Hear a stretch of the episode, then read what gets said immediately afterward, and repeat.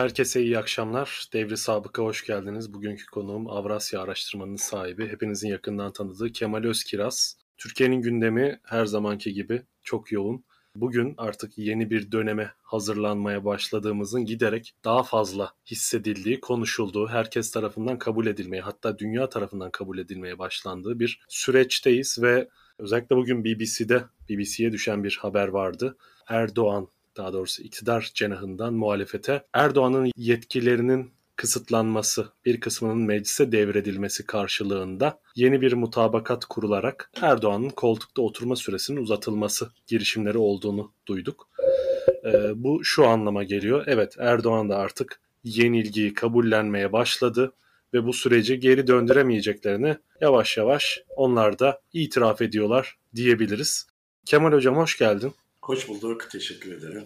Ben hemen e, şu aday tartışmaları ve 2023 sonrası tabii eğer seçim 2023'te olacaksa 2023 sonrası sürece ilişkin ciddi bir soru işareti olan şu an herkesin merak ettiği bir konu var. Direkt kitabın ortasından giriyorum.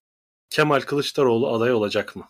Şöyle e, muhtemelen aday olacak Kemal Kılıçdaroğlu e, ve Millet İttifakı bakacaktır seçimlere 5 kala. En son noktada Kemal Kılıçdaroğlu kazanabilecek noktadaysa ki şu anda bizim anketlerimizde kazanabilecek noktada o zaman aday olacaktır ama kazanamayacak noktadaysa ve kazanabilecek başka bir aday da varsa Ekrem İmamoğlu ve Mansur Yavaş'ı kastediyorum. O zaman onların önünde kesmeyecektir. Ama e, kazanabilir olduğu sürece %100 aday Kemal Kılıçdaroğlu'dur. Yani siz şu an Kemal Kılıçdaroğlu'nun adaylığını yüksek bir ihtimal olarak görüyorsunuz. En yüksek ihtimal Kemal Kılıçdaroğlu'nun adaylığı. Tamam. Kemal Kılıçdaroğlu'na ilişkin ciddi önyargılar var toplumda ve özellikle iktidar tabanından oy alma konusunda dezavantajlı olduğu iddia ediliyor. Fakat öte yandan İmamoğlu ve Yavaş'ın daha avantajlı olduğu, özellikle tabii ki Yavaş'ın Yavaş'ın da bir dezavantajı var. O da e, HDP seçmeniyle yaşanacak, evet Kürt seçmenle yaşanacak bir uyuşmazlık ihtimali. Fakat İmamoğlu bir adım daha önde görünüyor bu konuda ve İmamoğlu'nun ciddi bir popülaritesi de var, karizması var. E, kendini kabul ettirmiş bulunuyor ve muhalif seçmen de genel olarak bir lider arayışındaydı uzun bir süredir ve daha önce işte çeşitli girişimler örneğin Muharrem İnce'nin adaylığı sürecinde Muharrem İnce çok popüler oldu ve öne çıktı. Fakat İmamoğlu e, ondan farklı olarak iktidar tabanına da hitap edebilme başarısı gösterdi ve şu an seçmen tarafından talep edilen aday olarak İmamoğlu görünüyor. Fakat sizce İmamoğlu aday olmalı mı? Yani sizin görüşünüzü soruyorum. Eğer e, anketlerden, kamuoyu araştırmalarından bağımsız olarak İmamoğlu aday olmalı mı? E, olmamalıysa neden olmamalı?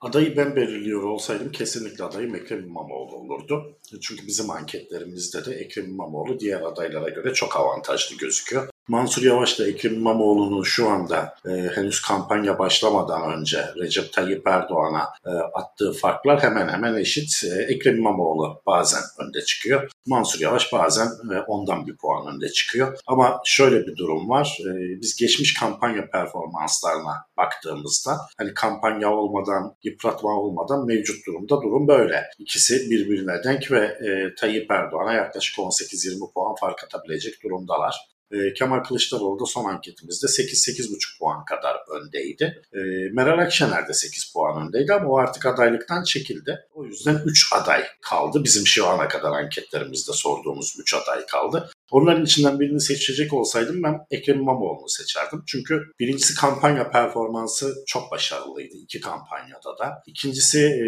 bu muhalefetin en kırılgan kesimi olan Kürt muhalefeti ya da HDP diyeceğimiz muhalefette Ekrem İmamoğlu'nun daha güçlü bir aday olduğu görülüyor Mansur Yavaş'a kıyasla. Üçüncüsü de e, artık geçmişteki gibi iktidar tarafından oy alma kaygısı iktidar tarafından AKP'den MHP'den oy alma kaygısı minimuma indi. Artık muhalefetin tümünden oy alabilecek bir aday kazanabilecek gibi gözüküyor. Çünkü artık muhalefet %60, iktidar bloku %40. Yani iktidar blokundan gelecek oyların zaten hemen hemen hepsi geldi. O yüzden bu tarafı bloklaştırabilecek bir aday lazım. Bunun da en kolay yolu e, saydığımız adaylar içerisinde Ekrem İmamoğlu. Ancak Ekrem İmamoğlu karar vericilerin e, masasında kendisi olmayacak. O karar vericiler masasında eğer herkes kazanıyor ise muhtemelen karar vericilerin bir kısmı ben olamıyor isem en iyi ikinci tercihim kim olur diye düşünecektir. Meral Akşener'in yorumları da böyleydi. Yani geldiğinde e, yetkilerden vazgeçebilecek, kariyerini Cumhurbaşkanı olarak tamamlamayı göze alabilecek e, bir isim bahsediliyordu. Şu anki aday havuzunda İlhan Kesici, Abdüllatif Şener ve Kemal Kılıçdaroğlu bu profile çok e, uygun profiller. Ekrem İmamoğlu ve Mansur Yavaş ise çok daha genç profiller ve icracı bir makamdalar zaten.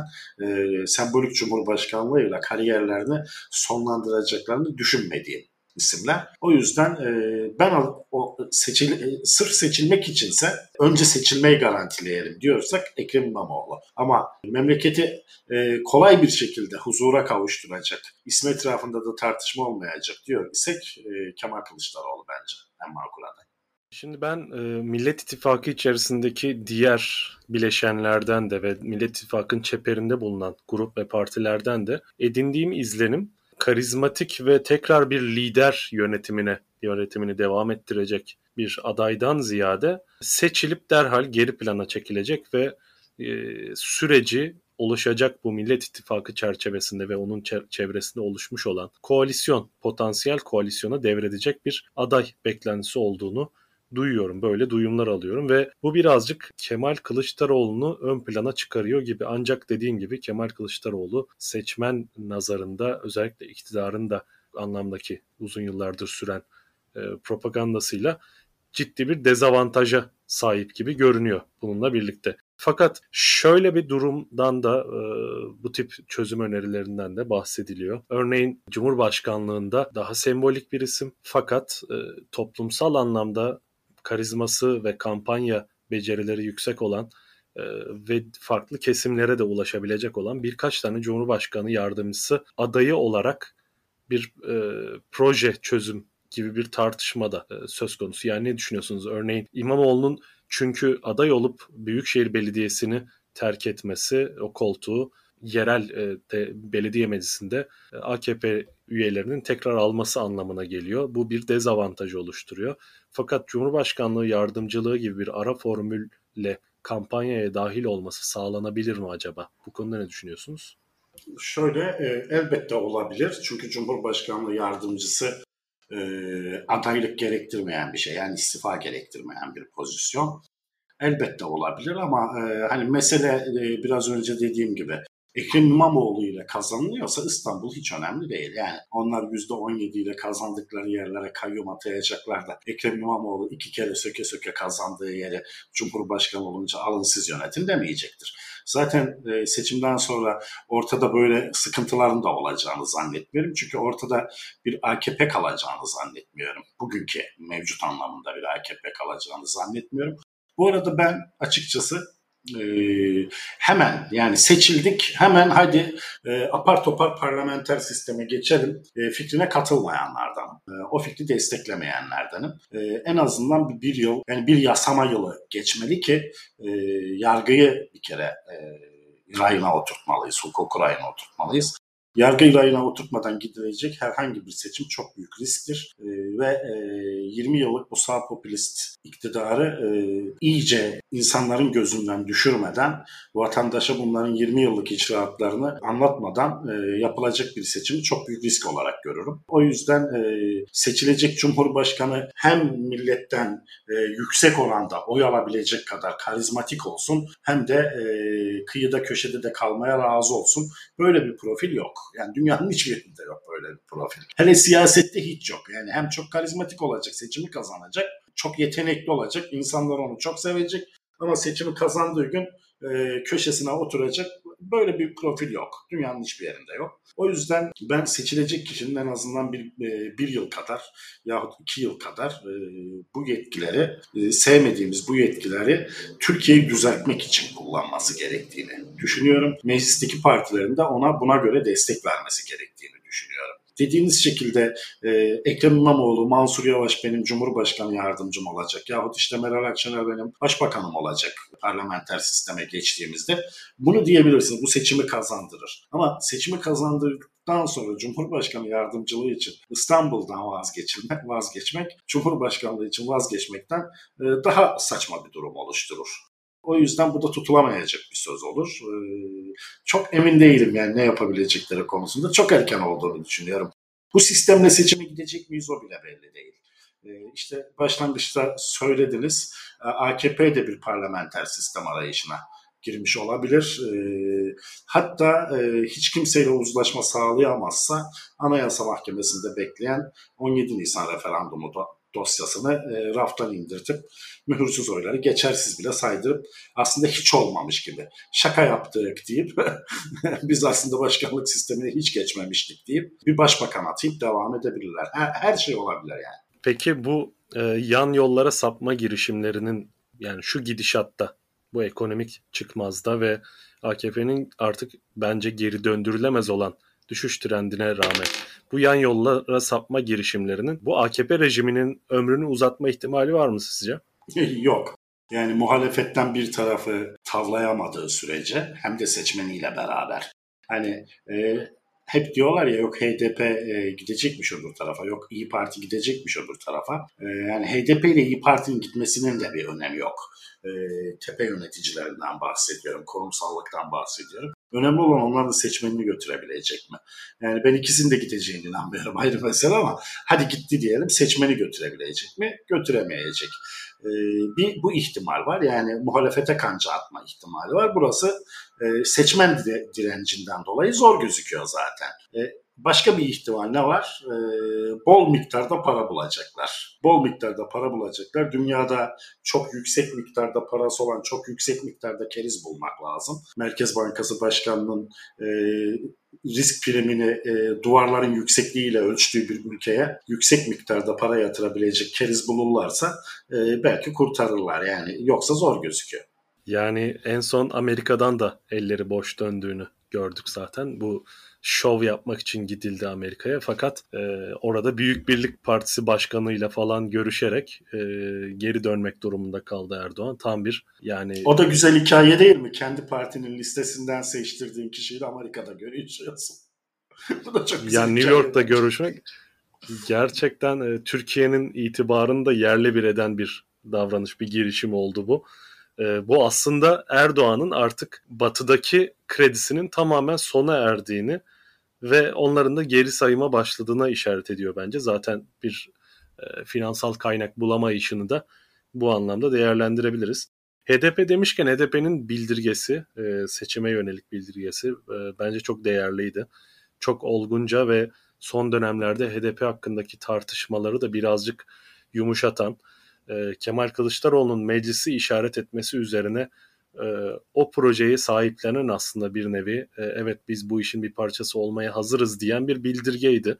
Hem diliyle hem biz Türkiye Partisi olmak istiyoruz diye yeniden böyle bir taleplerini yükseltmiş olmalarıyla bence değerliydi. Bunun bu süreçte HDP'nin ittifaka dahil olmayacağına dair işaretleri kendileri de veriyorlar zaten. Biz Millet İttifakı'nın bir parçası olmayacağız diyorlar. Fakat HDP'nin konumu bu süreçte nasıl bir rol oynayacak? Özellikle Cumhurbaşkanlığı seçimine giderken.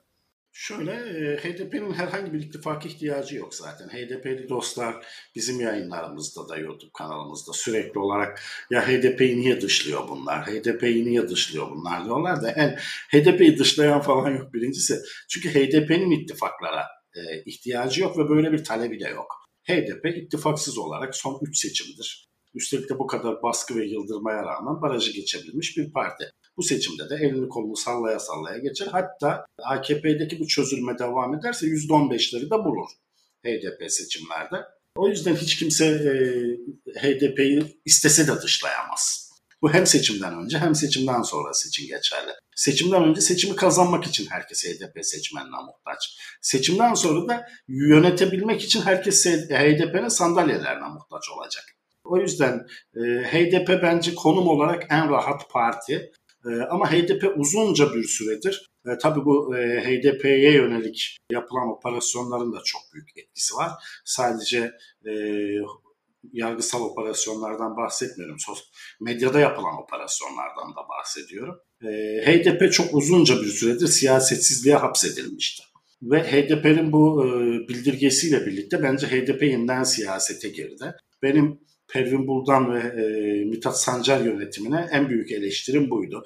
Evet partiyi çok zor bir dönemde e, bu şekilde %10'un üzerinde tutmak, dağılmadan tutmak çok büyük başarıydı ama Türkiye siyasetine e, dair de hiçbir şey söylemiyordu HDP uzunca bir süredir. Bu e, bildirgeyle birlikte e, sizin de dediğiniz gibi Kemal Kılıçdaroğlu'nun yasal alanda, legal temelde e, Kürt sorununun çözümüne yönelik e, attığı pası gördüklerini, e, o topu tuttuklarını anlattılar aslında. Çok kıymetli görüyorum. E, önemli olan e, Cumhurbaşkanlığı seçimlerinde e, HDP'nin aday çıkartıp çıkartmaması, aday çıkartır ise ikinci turda e, Millet İttifakı'nı destekleyip desteklememesi. Bizim anketlerimizde, e, geçen ay yaptığımız ankette HDP seçmenlerine biz şöyle bir soru sorduk. Dedik ki e, Halkların Demokratik Partisi Cumhur İttifakı'nı destekliyorum derse siz hangisine oy verirsiniz dedik. Orada Cumhur İttifakı'na oy veririm diyen yüzde on, onlar civarıydı. Bakın HDP desteklese bile HDP Tabanı Millet mobilize edemiyor yani destekliyoruz. Evet, evet HDP Millet İttifakı'nı destekliyoruz derse ya da muhalefetin adayını destekliyoruz derse e, nasıl oy kullanırsınız dediğimizde de muhalefete oy veririm diyen %90'ları buluyordu totalde. Selahattin Demirtaş aday olur da YSK tarafından engellenirse diye sorduk soruyu. Hani bir de mağduriyet doğarsa oradan diye. O soruyu da sorduk. Mağduriyet doğunca mobilizasyon daha mı kolay oluyor diye. Evet daha kolay oluyor. Selahattin Demirtaş'ın gösterdiği adaya oy vermem diyen sıfırdı. HDP'liler içerisinde sıfırdı. Yani HDP'de e, asıl güç Selahattin Demirtaş belirleyici güç. Bu çok net. HDP'nin e, kurumsal çağrısı da muhalefet tarafında yapar ise e, mobilizasyon çok yüksek olacak. Ama iktidar tarafında yapar ise mobilizasyon düşük olacak gibi gözüküyor. Peki e, şöyle bir soru var izleyicilerimizden gelen bir soru. Tolga Mırmırık dostumuzdan. Merhaba, e, AKP sonrası adaletin yeniden yapılandırılabilmesi, savcı ve hakimlerin evrensel hukuka bağlı kişilerle oluşturulabilmesi için nasıl bir yol, izlenebileceğini düşünüyorsunuz? Yani yüksek yargıda az önce sizin de belirttiğiniz gibi ciddi bir e, şu an AKP'li tasallutu var ve hem liyakat sahibi olmayan hem de çeşitli suçlara karışmış olan, geçmişte usulsüz işlemlere bulaşmış olan isimler var. E, ve bunlar e, yeni kurulacak koalisyonda, yeni kurulacak rejimde AKP sonrası Türkiye'yi restore etme girişiminde kendilerini de kurtarmak adına bir takım ben açıkçası yargının çok hızlı pozisyon değiştireceğini düşünüyorum. Ee, bunu söyleyeyim. Yargı büyük ölçüde e, yeni döneme göre konumlanacaktır ki şu anda aslında bunun işaretleri, bunun hakkındaki söylentiler, duyumlar e, çeşitli kanallardan alıyoruz zaten. E, ayrıca yargı içinde de yargının da tamamı bu iktidarı biat etmiş durumda değil. Sadece bir baskı ve tasallut altındalar ve açıkçası onlar da gidecekleri gün için bir kısmı avuçlarını ellerini avuşturuyor diyebiliriz. Fakat e, tabii ki iktidarın usulsüz işlerine, suçlarına bulaşmış olanlar da var ve bunların yargının bu anlamda temizlenebilmesi, yeniden tarafsızlığının ve gücünün tesis edilebilmesi, saygınlığın tesis, tesis edilebilmesi için de yapılması gerekenler olacak. Siz bu konuda ne düşünüyorsunuz? Neler yapılabilir? Şöyle Arnavutluk örneği var önümüzde. Arnavutluk'ta e, Arnavutluk'ta biliyorsunuz e, hakim ve savcılar için bir mesleki yeterlilik sınavı getirdiler. E, Arnavutluğun Anayasa Mahkemesi bunu kabul etmedi. Bunu yapamazsınız dedi. Fakat Avrupa İnsan Hakları Mahkemesi pekala yapılabilir dedi bu iş için. Aynı şekilde böyle örnekler var. Hani hukuka uygun gide, e, gidileceği varsayımıyla bunu söylüyorum. Yoksa bana kalsa geldiğim gün Türkiye'de ne kadar hakim savcı varsa hepsini açığa alırım. Ondan sonra tek tek e, döndürürüm. Tek tek inceler öyle döndürürüm ama e, bu da işte bugünkü o hal komisyonunun yaptığına çok benzer. Bu çok hukuksuz olur. O yüzden e, hukuk içerisinde çözebilmek için bir kere e, başlangıçta e, hakim savcıların alındığı, e, hakim savcıların alınmasında e, bu torpil işlerini kaldırmak lazım. Mevcut durumu e, en hızlı düzeltebilmenin yolu da e, söylediğim gibi zaten çok hani trolleşmiş hakim savcılar artık çok belli yani. Onlar zaten sembol isimler. Her şekilde biliniyor bunlar. Onlar zaten gelir gelmez görevden el çektirilir ve e, onların durumuna bakılır. E, ama diğerleri için de kesinlikle bir mesleki yeterlilik sınavı lazım. E, yüksek bir baraj konulması lazım. Mesleki yeterlilik sınavını geçemeyenlerin de işaretine son verilmesi lazım. En kolay ve en hukuki yöntem bu gibi gözüküyor. Yani en itiraz edilemeyecek. Çünkü ahim iç, içtihatı var dediğiniz gibi. Evet. Ama hani bunu e, muhalefetin bir politikası gibi söylemiyorum. Bu benim fikrim. Evet ben de buna katılıyorum. Ee, yeni haber haberim oldu bu Arnavutluk örneğinden benim de. Ee, bugün şöyle, öğrendim bunu. Özgün Hocam Arnavutluk'ta şöyle bir durum vardı. Arnavutluk'ta e, mafyalar bütün hukuk fakültelerini ele geçirmişlerdi yıllardan beri ve hukuk fakültesindeki bütün öğrencilere önceden burs vererek kendi hakim ve savcılarını yetiştiriyorlardı. Avukat kendilerinden, hakim kendilerinden, savcı kendilerinden. Böyle olunca Arnavutluk'ta bütün yargı mafyanın eline geçmişti. Yeni gelen bir hükümet bu duruma son vermek için e, dedi ki ben böyle bir mesleki yeterlilik sınavı yapacağım, 70 barajını koyacağım. Bu 70 barajını geçemeyenlerin iş hakkını feshedeceğim. Anayasa Mahkemesi Başkanı da dahil Anayasa Mahkemesi bu durumu reddetti. Bu dedi hukuku değil bunu yapamazsınız. Ee, ama Avrupa İnsan Hakları Mahkemesi'ne gidilince orada Avrupa İnsan Hakları Mahkemesi değil ki mesleki yeterlilik sınavı yapmak her devletin hakkıdır. Ee, çalıştırdığı insanların, hizmet aldığı insanların, maaş ödediği insanların yeterliliğini ölçme hakkı vardır. Ee, özellikle de hukuk gibi bir konuda devlet kendisini kötü niyetli insanların elinden kurtarmak için bu tip tedbirler alabilirler. 70 barajı da gayet adil bir barajdır. E, dünyanın birçok yerinde zaten ders geçme notu olarak bile 70 barajı kullanılır. O yüzden bunda bir sıkıntı yoktur dedi ve Arnavutluk hükümeti bunu yapabildi. Yani e, aslında böyle bir endişe var toplumda. Türkiye'de özellikle AKP rejiminden kolay kolay kurtulamayacağımızı çünkü bu rejimin yarattığı tahribatın gerek kurumlarda gerek toplumda yarattığı tahribatın uzun yıllar üzerimizden atılamayacağına dair bir endişe var. E, ben bunu kısmen paylaşıyorum. O da şu, evet bir toplumsal yıkım, bir insan kaynağının heba edilmesi anlamında gerek yurt dışına kaybedilen insan kaynağı beyin göçü gerekse de bir ahlaki çöküntü anlamında bir temizlenmesi gereken bir e, ortadan kaldırılması gereken bir yığın var. Evet yani bu bunu temizlememiz, bunu düzeltmemiz gerekiyor. Fakat öte yandan bürokrasi ve özellikle yargı bürokrasisi ve güvenlik bürokrasisindeki işlerin sanılandan çok daha düşünülenden çok daha kolay ve hızlı çözüleceğini düşünüyorum ben de. Bir kısmı kendiliğinden çözülecek dediğim gibi. Yani orada bulunan teşkilatlardan gönderilen e, listelerle atamaları yapılan personel olabilir, güvenlik personeli olabilir, yargı personeli, personeli olabilir. Bunların birçoğu zaten e, ideolojik bağlılıklarıyla orada bulunan personel değil. Tamamen e, gelecek kaygısı, iş bulma umudu ve bir şekilde devlete kapılanma isteğiyle oralarda bulunan insanlar ve e, iktidara ve Türkiye'de esen rüzgara göre kendi ikballerini muhafaza edebilmek adına hızla yeni döneme göre konumlanacaklardır. Fakat e, tabii ki e, bir liyakat e, sınavına tabi tutmak, bir liyakat e, filtresinden, elemesinden geçirmek e, geçirmeye ihtiyacımız var. Çünkü ben e, şöyle düşünüyorum yani AKP rejiminin ya, Türkiye'de yaptıklarının tekrar yapılamaması için yani sadece kurumsal anlamda değil böyle bir şeyin akıldan geçirilememesi, cesaret dahi edilememesi için böyle şeylere yani böyle büyük suçlara bir adet, adeta bir denazifikasyon sürecine ihtiyacımız olacak. Bu dönemin halka doğru anlatılabilmesi için bu dönemde işlenen suçların, sabıkaların halka anlatılabilmesi için. Dolayısıyla sanıldığı kadar bu rejimin Türkiye'nin üzerine yapışıp da çıkmayacak bir etkisi kalacağını düşünmüyorum. Dediğim gibi ben de AKP diye bir şey zaten en azından bugünkü anlamıyla kalmayacağını düşünüyorum. Belki bir parti hüviyetine bürünmüş küçük bir yapı kalabilir ortada. İşte biz öze döndük, gerçek AKP, işte AKP'nin ilk dönemi falan diyen bir takım grupçuklar kalabilir. Fakat bunlar da etkisiz olacaktır ve e, bir süre sonra silinip gidecektir Türk siyasi hayatından diye düşünüyorum. Şöyle bir e, soru var.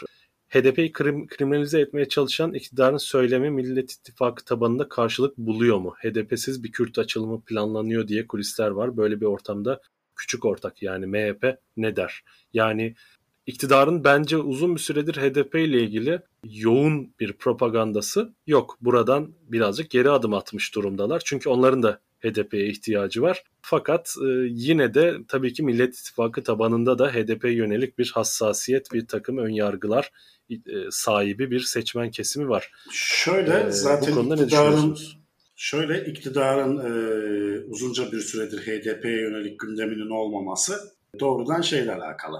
HDP e, seçmeni nötralize edebilir miyiz? Yani kendimize getiremiyoruz ama kendi tarafımıza Millet İttifakı'ndan da soğutabilir miyiz? Biz onlardan daha demokrat görünebilir miyiz tavrı? E, bu e, o seçmen oraya getiremeyeceğini anlayıncaya kadar sürer. Yani e, HDP Millet İttifakı'na ola ki katılmış olsa o zaman e, eskisinden daha sert bir şekilde HDP'yi yine kriminalize etmek e, etmeye çalışacaklardır. Başarılılar da e, bu durumu. Çünkü medya ellerinde, yargı ve kolluk ellerinde. E, bundan kurtuluşun bir yolu yok. Muhalefet tabanında etkili mi? E, hala kısmen etkili olduğu yerler var ama çok kısmen etkili. Özellikle 2. İstanbul seçiminden e, sonra e, hatta yerel seçimlerin tümünden sonra artık HDP meselesinde e, CHP ve İyi Parti seçmenleri de HDP'ye MHP ve AKP seçmenlerinden baktığı gibi bakmıyor. O çok net yani. Hatta artık belli ki Meral Akşener bile bakmıyor. İzledik işte Halk TV'deki programında. Meral Akşener ne dedi? HDP'nin doğru bir yolda olduğuna inanmıyoruz. Onun e, doğruyu yaptığına inanmıyoruz. Ama halkın oylarıyla seçilmiş e, yasal e, olarak faaliyet gösteren legal bir parti. Onu da şeytanlaştırmaya da karşıyız e, mealinde şeyler söyledi. Yani e, muhalefetin yönetimlerinin de e, tavrı değişiyor. İyi Parti'nin en milliyetçi, en keskin ülkücü gözü, e, görünen ismi Musavat Dervişoğlu bile Kemal Kılıçdaroğlu'nun e, yeni açılım sürecinde HDP ile birlikte hareket edebiliriz sözüne e, katıldığını söyledi. Ne yapsak İmralı'yla e, ya da e, Kandil'le mi hareket edecek, edeceğiz dedi yani. İşin özü bu aslında. Muhalefet cephesinde çok çok etkili olduğunu söyleyemem ama İç Anadolu'da e, biraz MHP'den gelmiş İyi Partililerde, e, kıyı kesimlerinde de e, Yörük Türkmenlerinden oy alan CHP'de hala etkisi olduğunu söyleyebilirim. Yani aslında e, AKP faktörü ortadan kalktıktan sonra e, Türkiye biraz daha normalleşebilme sürecine girdiği takdirde AKP'nin yaratmış olduğu, AKP'nin bilinçli olarak yaratmış olduğu bu kırılma, bu yarılma e, ortadan kalktığında bu iki toplum kesimi arasında diyalog kanalları biraz daha açılacaktır diye düşünüyorum ben de. Tabii ki burada stratejik olan, önemli olan seçime kadar bu gerilimi doğru bir şekilde yönetebilmek ve iktidarın iki tarafı düşmanlaştırma, olası düşmanlaştırma girişimlerine izin vermemek gerekecektir diye düşünüyorum. Bir kişisel soru var. Ee, Avrasya araştırmaya yönelik bir soru. Ee, hiç anketinde yanıldı mı? Hangi anketlerde yanıldı? diye bir soru var. Yani şu, bu, bunu bence şu yüzden soruyorlar.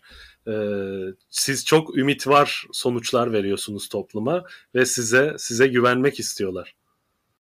Evet şöyle e, Avrasya araştırmayı biz ne zaman açtık zannediyorum 2005 gibiydi. Avrasya araştırma olarak bizim yaptığımız e, ki 2008'e kadar da bende değildi Avrasya araştırma. Benim yönetimimde değildi yani. 2008'den sonra e, yanlış hatırlamıyorsam benim yönetimime geçti. O tarihten sonra biz e, yapılan seçimlerde e, sadece son 2018 Cumhurbaşkanlığı seçimlerinde hata payının bir miktar dışında yanıldık. Öyle atla deve yanılmadık yani. E, ikinci tura e, kalacağını tahmin ediyorduk ama e, adayların oy oranlarında e, biraz Meral Akşener'i e, fazla tahmin edip Erdoğan'ı biraz az tahmin ettik. Ee, onun haricinde işte mühürsüz referandumda yanıldık mı yanılmadık mı onu hala bilemiyoruz ama yanılmadığımızı düşünüyoruz.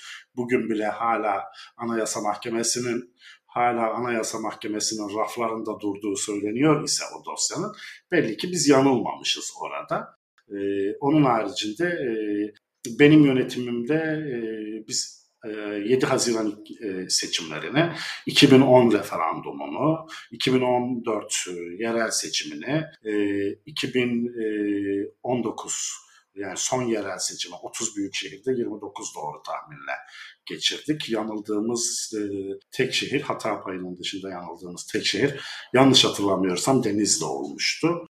Şey yüzdesel olarak iyiyiz yani fena durumda değiliz yüzdesel olarak. Ama şöyle bir şey var, bunu da söyleyeyim, samimiyetimle söyleyeyim. Ee, her firmanın muhtemelen örnekleminden kaynaklı, araştırma örnekleminden kaynaklı olarak her firma genellikle hep aynı partilerde e, yanılıyor. E, yani yanılgıları hep aynı partilerin lehine ya da aleyhine oluyor. E, bizde şöyle bir durum var. Biz genellikle AKP'yi olduğundan 2 puan düşük buluyoruz. Yani bizim bulduğumuzdan 2 puan yüksek oluyor ankette. Anket son anketimizde bulduğumuzdan seçimlerde 2-2,5 puan kadar yüksek oy alıyor. E, Cumhuriyet Halk Partisi ve HDP de bizim bulduğumuzdan birer puan düşük oy alıyor. O yüzden öyle değerlendirmeniz bence daha doğru olacaktır. Ben anket şirketlerini değerlendirirken de kendi aynı bu şekilde standart yanılgılar üzerinden değerlendiriyorum. Ortalamalar bizimkine çok yakın ama son yapılan anketlerin, son 57 anketin ortalamalarına baktığınız zaman bizimkine çok yakın sonuçlar veriyorlar. Hı hı hı. Yani toplum, e, halk aslında şu an 20 e, yılın verdiği yorgunluğun üzerine Erdoğan sürecinin, Erdoğan rejiminin, AKP rejiminin sonuna geldiğimize bir türlü inanamıyor. Bu konuda ikna olmak istiyor. Ve tabii ki bir karamsarlık da toplumsal, toplumsal anlamda, genel anlamda bir karamsarlık da hakim. Ve anket firmalarına özellikle bu yakın zamanda bir düzenleme girişimi de geliyor şeyden, AKP rejiminden. E, anket firmalarına e, güvenmek konusunda da ciddi sorunlar var Türkiye'de. Çünkü geçmişte özellikle iktidar yanlısı bazı firmalar tarafından yapılan manipülasyon girişimleri ortada. E, şu son e, açıklamalar ve anket firmalarını anket yapamaz hale getirme girişimi hakkında ne söyleyebilirsiniz? Bu, bunun detayları nedir? İşsizlikten kaynaklanıyor. Yani gizli işsizlikten kaynaklanıyor. Aslında hükümetin içerisinde olan ama hükümetin hiçbir şeyiyle e, ilgisi olmayan bir parti oturuyor. Devasa bir genel merkezleri var. Hiç de işleri yok böyle e, zihni sinir projeleri üretiyorlar. Yani bundan kaynaklı hiç uygulanabilir bir şey mi Allah aşkına yani. E, ben gidecekmişim anketleri yapacakmışım da soru formlarını e, ham datalarımla birlikte TÜİK'e verecekmişim de onlar kontrol edecekmiş de gerçekten yapmışsam yayınlama izni verecekmiş. Yani hiç olacak iş mi yani bu? Nasıl e, yapılacak? Mesela e, hadi Türkiye geneli anketleri verdik. 15-20 tane firmayız Verdiler bize 30, 30 kişi e, bu iş için. E, verdik e, yolunda gidiyor. E, yarın yerel seçim olacak. Belde belde anket açıklayacağım. Ne yapacaklar? Hangi birini inceleyecekler? Böyle bir saçmalık var mı? Yani böyle uygulanamaz yasaklar sırf çiğnensin diye yapılır. Biz de çiğneriz zaten. Çok da keyif alırız çiğnerken. Ee, fal yaptım, fal baktım der anlatırım. Anket yaptım demek zorunda değilim. yani yani e, Dünyada her gün bir ülkede seçim oluyor. O ülkenin anketiymiş gibi anlatırım. Geçen provasını yaptık YouTube kanalımızda. Papua Yeni Gine seçim anketleri diye anlattık. Yani bunun provasını yaptık. Biz oluyor yani. Bayağı da anlıyor insanlar e, neyi kastettiğimizi.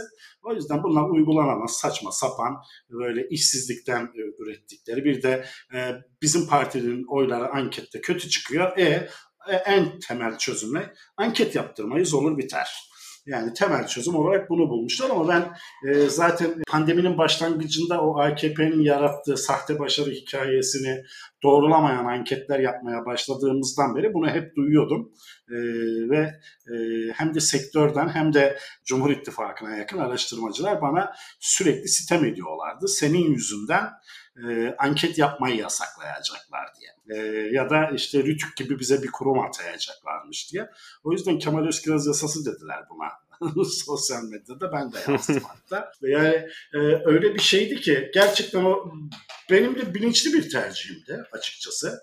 O e, şeyde sık sık anket yayınlamak. Hatta televizyonlarda çıktılar yorumcular dediler ki ya her gün bir sonuç yayınlıyor. Her gün anket yapılır mı? Ayarları bozulunca halbuki yani aptal değiliz. Bir ankette 30 tane soru soruyoruz. Her gün bir grafik yayınlıyordum. Yani, evet, evet. E, maksat o kara propagandayı kırmaksa böyle. Ben de bunu yapıyordum. O ara çok bozulmuşlardı. Ee, şimdi onu e, bir ara rafa kalkmıştı. Uygulanamaz olduğundan rafa kalkmıştı. Şimdi yeniden işte %7 seçim barajı gelince, e, konuşulunca biz de ona yönelik e, anketlerde e, MHP'yi %7 bandında bulunca bir de MHP'nin genel başkan yardımcısıyla küfürleşince e, dediler ki biz bunu böyle sustururuz ama olan kendi anketçilerine olur. Bayağı iş çıkartırlar kendilerine. Çünkü ben bu yasakları takmam. Yani ben bir şekilde anketimi açıklarım. TÜİK'e bir tane de veri vermem yani. Yani onların kendi anketçilerinin zaten e, o noktadan itibaren gerçekten bir veri toplayıp anket yap, yapmaya başlayacağı bile, yapmaya devam edeceği bile şüpheli bir hale gelir. Tamamen istedikleri ya zaten veriye olanları... bakmayacaklardır Özgün Hocam. Yani e, gerçekten tabii. veri toplanmış mı falan diye bakmayacaklar. E, tabii oy ki. oranlarına bakacaklardır. Yani yayınlama izni verirken oy oranlarına bakacaklardır. Şimdi e, hazır bu girişimlerden e, AKP rejiminin sonunun e, erteleme girişimlerinden bahsetmişken bir de, dar bölge, daraltılmış bölgeye geçme e, çalışmaları olduğuna dair bir takım rivayetler var. Bunun e, MHP ve AKP oyları açısından, meclis aritmetiği açısından ve Cumhurbaşkanı oyu açısından bekledikleri getiriyi verme ihtimali var mı? Yani şunun ben e, tabii ki bu konunun uzmanı değilim ama şunun ihmal edildiğini düşünüyorum. E, bölgelere, alt bölgelere ayırırken Türkiye genelini seçim bölgelerini örneğin 600 bölgeye ayırırken önceki seçimler e, baz alınarak ve işte orada yaptıkları çeşitli kamuoyu araştırmaları baz alınarak bunu yapmak isteyecekler ve tabii ki bu kadar bölgede kamuoyu araştırması e, yapan bir e, çalışmaları da yok. Tamamen bir takım varsayımlara dayanarak, tahminlere dayanarak bu bölgeleştirmeyi yapacaklar. Ancak %60 oy almayı bekledikleri, önceki verileri dayanarak %60 oy almayı bekledikleri bir bölgede acaba hala %60 oy alıyorlar mı? Bunu takip etme imkanlarının çok olduğunu düşünmüyorum. Yani bu dar bölge, daraltılmış bölge çalışmasının e, iktidarı bir şey kazandıracağını düşünüyor musunuz? Yok e, ikisini de yapamazlar. Biri e, birincisi niye yapamazlar? MHP'yi ikna edemezler. Bu ortaya atıldığından beri e, ne zaman gündem olsa işte baraj yüzde beş olacakmış ya rahat olun yapamazlar. Yüzde yedi olacakmış işte dar bölge olacak yapamazlar kardeşim yani e, bu boşu boşuna e, bir deneme. Aslında kendi içlerinde bunun simülasyonunu yaparken ağızlarından kaçırdıkları için de toplumda böyle bir çalışma yapıyoruz demek zorunda kalıyorlar. Yani bunu yapamazlar çünkü MHP herhalde e, dar bölgede yani birinci partinin tek milletvekilini kazanacağı bir sistemde herhalde MHP hiçbir milletvekili kazanamayacaktır. Çünkü Türkiye'nin hiçbir dar bölgesinde Türkiye'yi nereden nereye 600'e bölerseniz bölün MHP hiçbir yerinde birinci değil. Çok net. Hiçbir yerinde değil yani. Birinciliği garanti değil en azından. O yüzden MHP tabela partisine döner. Bunu kabul etmez. Yani e, işte MHP'ye e, listelerimizde yer verelim. E tamam verin listenizde yer verin. MHP'ye de e, işte kelek yapacak olursak da MHP'yi de garanti altında tutacak şekilde barajı da %7'ye ayarlayalım. Tamam o da güzel. E, MHP demeyecek mi? Hadi bu seçimde böyle yaptık. 6 ay sonra erken seçime gidip beni e, saf dışı bırakmayacağını nereden bileyim? O yüzden bunu kabul ettiremezler MHP'ye. E, dar bölge, daraltılmış bölgede e, iktidara da yaramaz ayrıca. E, çünkü e, dar bölge dediğiniz şey nedir? Her bölgeden bir kişinin seçildiği şeydir. Yani tıpkı belediye başkanlığı gibi. Bir kişi seçiliyor.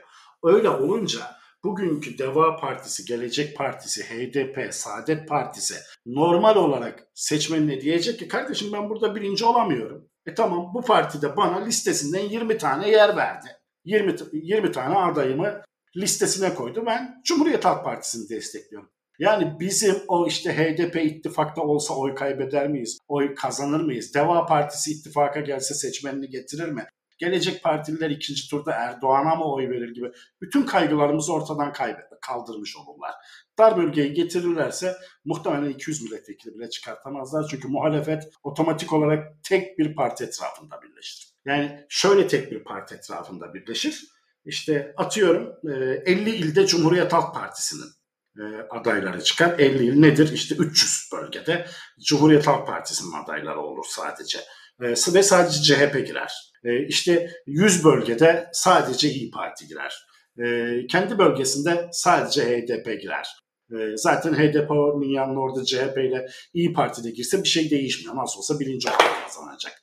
İşte 20 bölgede sadece Saadet Partisi'nin adayları girer. Yani sadece Saadet Partisi girer gibi.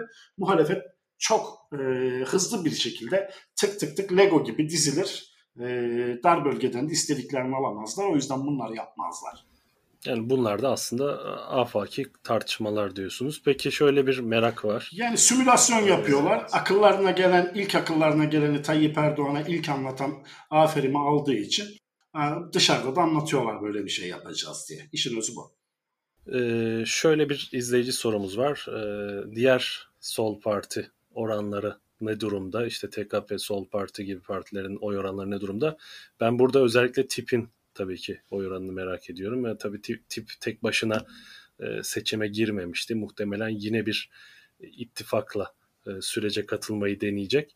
E, fakat mecliste şu an e, aktif vekilleri bulunuyor olması tipi diğerlerinden ön plana çıkarıyor bu diğer e, solda kalan partilerden. E, bunlarla ilgili elinizde e, veriler var mı? Yani okuma yapabileceğimiz veriler var, mı? Var. E, yani sol parti ve TKP'yi ben şimdiye kadar açıkçası e, böyle müstakil olarak anketlerimde hiç rastlamadım. Yani TKP yüzde e, yüzde 0,2'dir, 0,5'tir diyemem yahut sol parti için.